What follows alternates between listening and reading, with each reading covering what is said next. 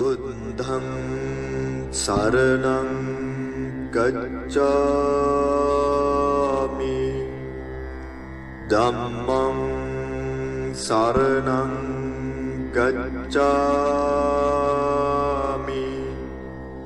सङ्घं शरणं गच्छामि।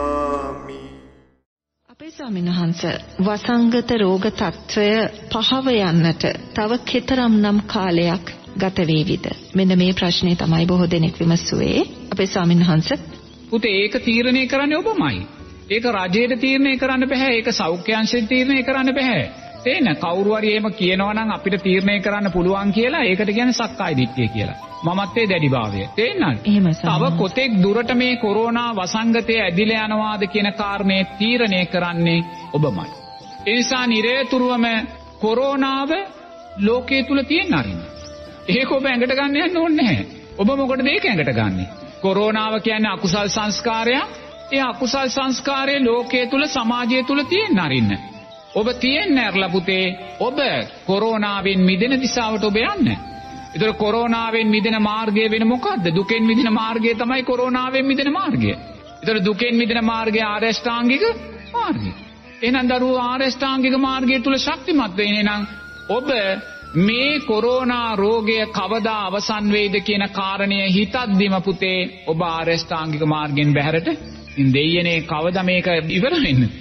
ඉතින් ඔබ එහෙම හිතද්දිම ඔබ මේක කල් දානවනේ. ඔබ කොරෝනා රෝගය කවදා අවසන් වෙයිද කියලා හිතද්දිම ඔබ කොරෝනා රෝගය තව තව වර්ධනයට අදාළ සංස්කාර රැස් කරනවා.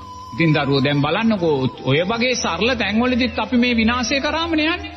ඒ නිසා. කොරෝනා රෝගය කවදා ඉවර වෙයිද කියන තැනදිම ඒ හිත අනිත්‍යයි කියලා දකින්න. සම්මා සංකප්පයක් වැඩින්නේ. නෙක්ඛම්මය. එතකොට නෙක්ඛම්මේ වැඩුණේ ඇයි? සම්මා දිට්ඨිය නිසා. සම්මා දිට්ඨිය වැඩුණේ ඇයි? ඔබ තෙරුවන්ට අදාළව හිතන්න දක්ෂ නිසා. ඔබ තෙරුවන්ට අදාළව හිතන්න දක්ෂ වුණේ ඇයි? ඔබ කල්යාණ මිත්‍රාශ්‍රයේ සද්ධර්ම ශ්‍රවණය නුවණින් මෙනෙහි කරපු නිසා. ඒ බලන්නකො සුන්දර හේතුඵල ධර්මයන් ගැලපිලා යන හැටි. ඒ නිසා දරුවෝ ඒ සුන්දර හේතුඵල ධර්මයන් ඔච්චර ලස්සනට තියෙද්දී අපි මොකද්ද කරන්නේ? කොරෝනාව කවදාද අවසන් වෙන්නේ? කොරෝනාව මෙහෙම ගිහිල්ලා මොකක්ද වෙන්නේ? මගේ දරුවාගේ අනාගතයට මොකද්ද වෙන්නේ? දැන් සාමාන්‍ය පෙළට මොකද්ද වෙන්නේ? උසස් පෙළ ප්‍රතිඵලට මොකද්ද වෙන්නේ? ඔය වෙන දේවල් සියල්ලම සංස්කාරයන්ට බාර දෙන්න. බාර දීලා ඔබ නි- නිවි හැනහිල්ල ඉන්න සංස්කාරය අනිත්‍යයි කියලා දැකලා.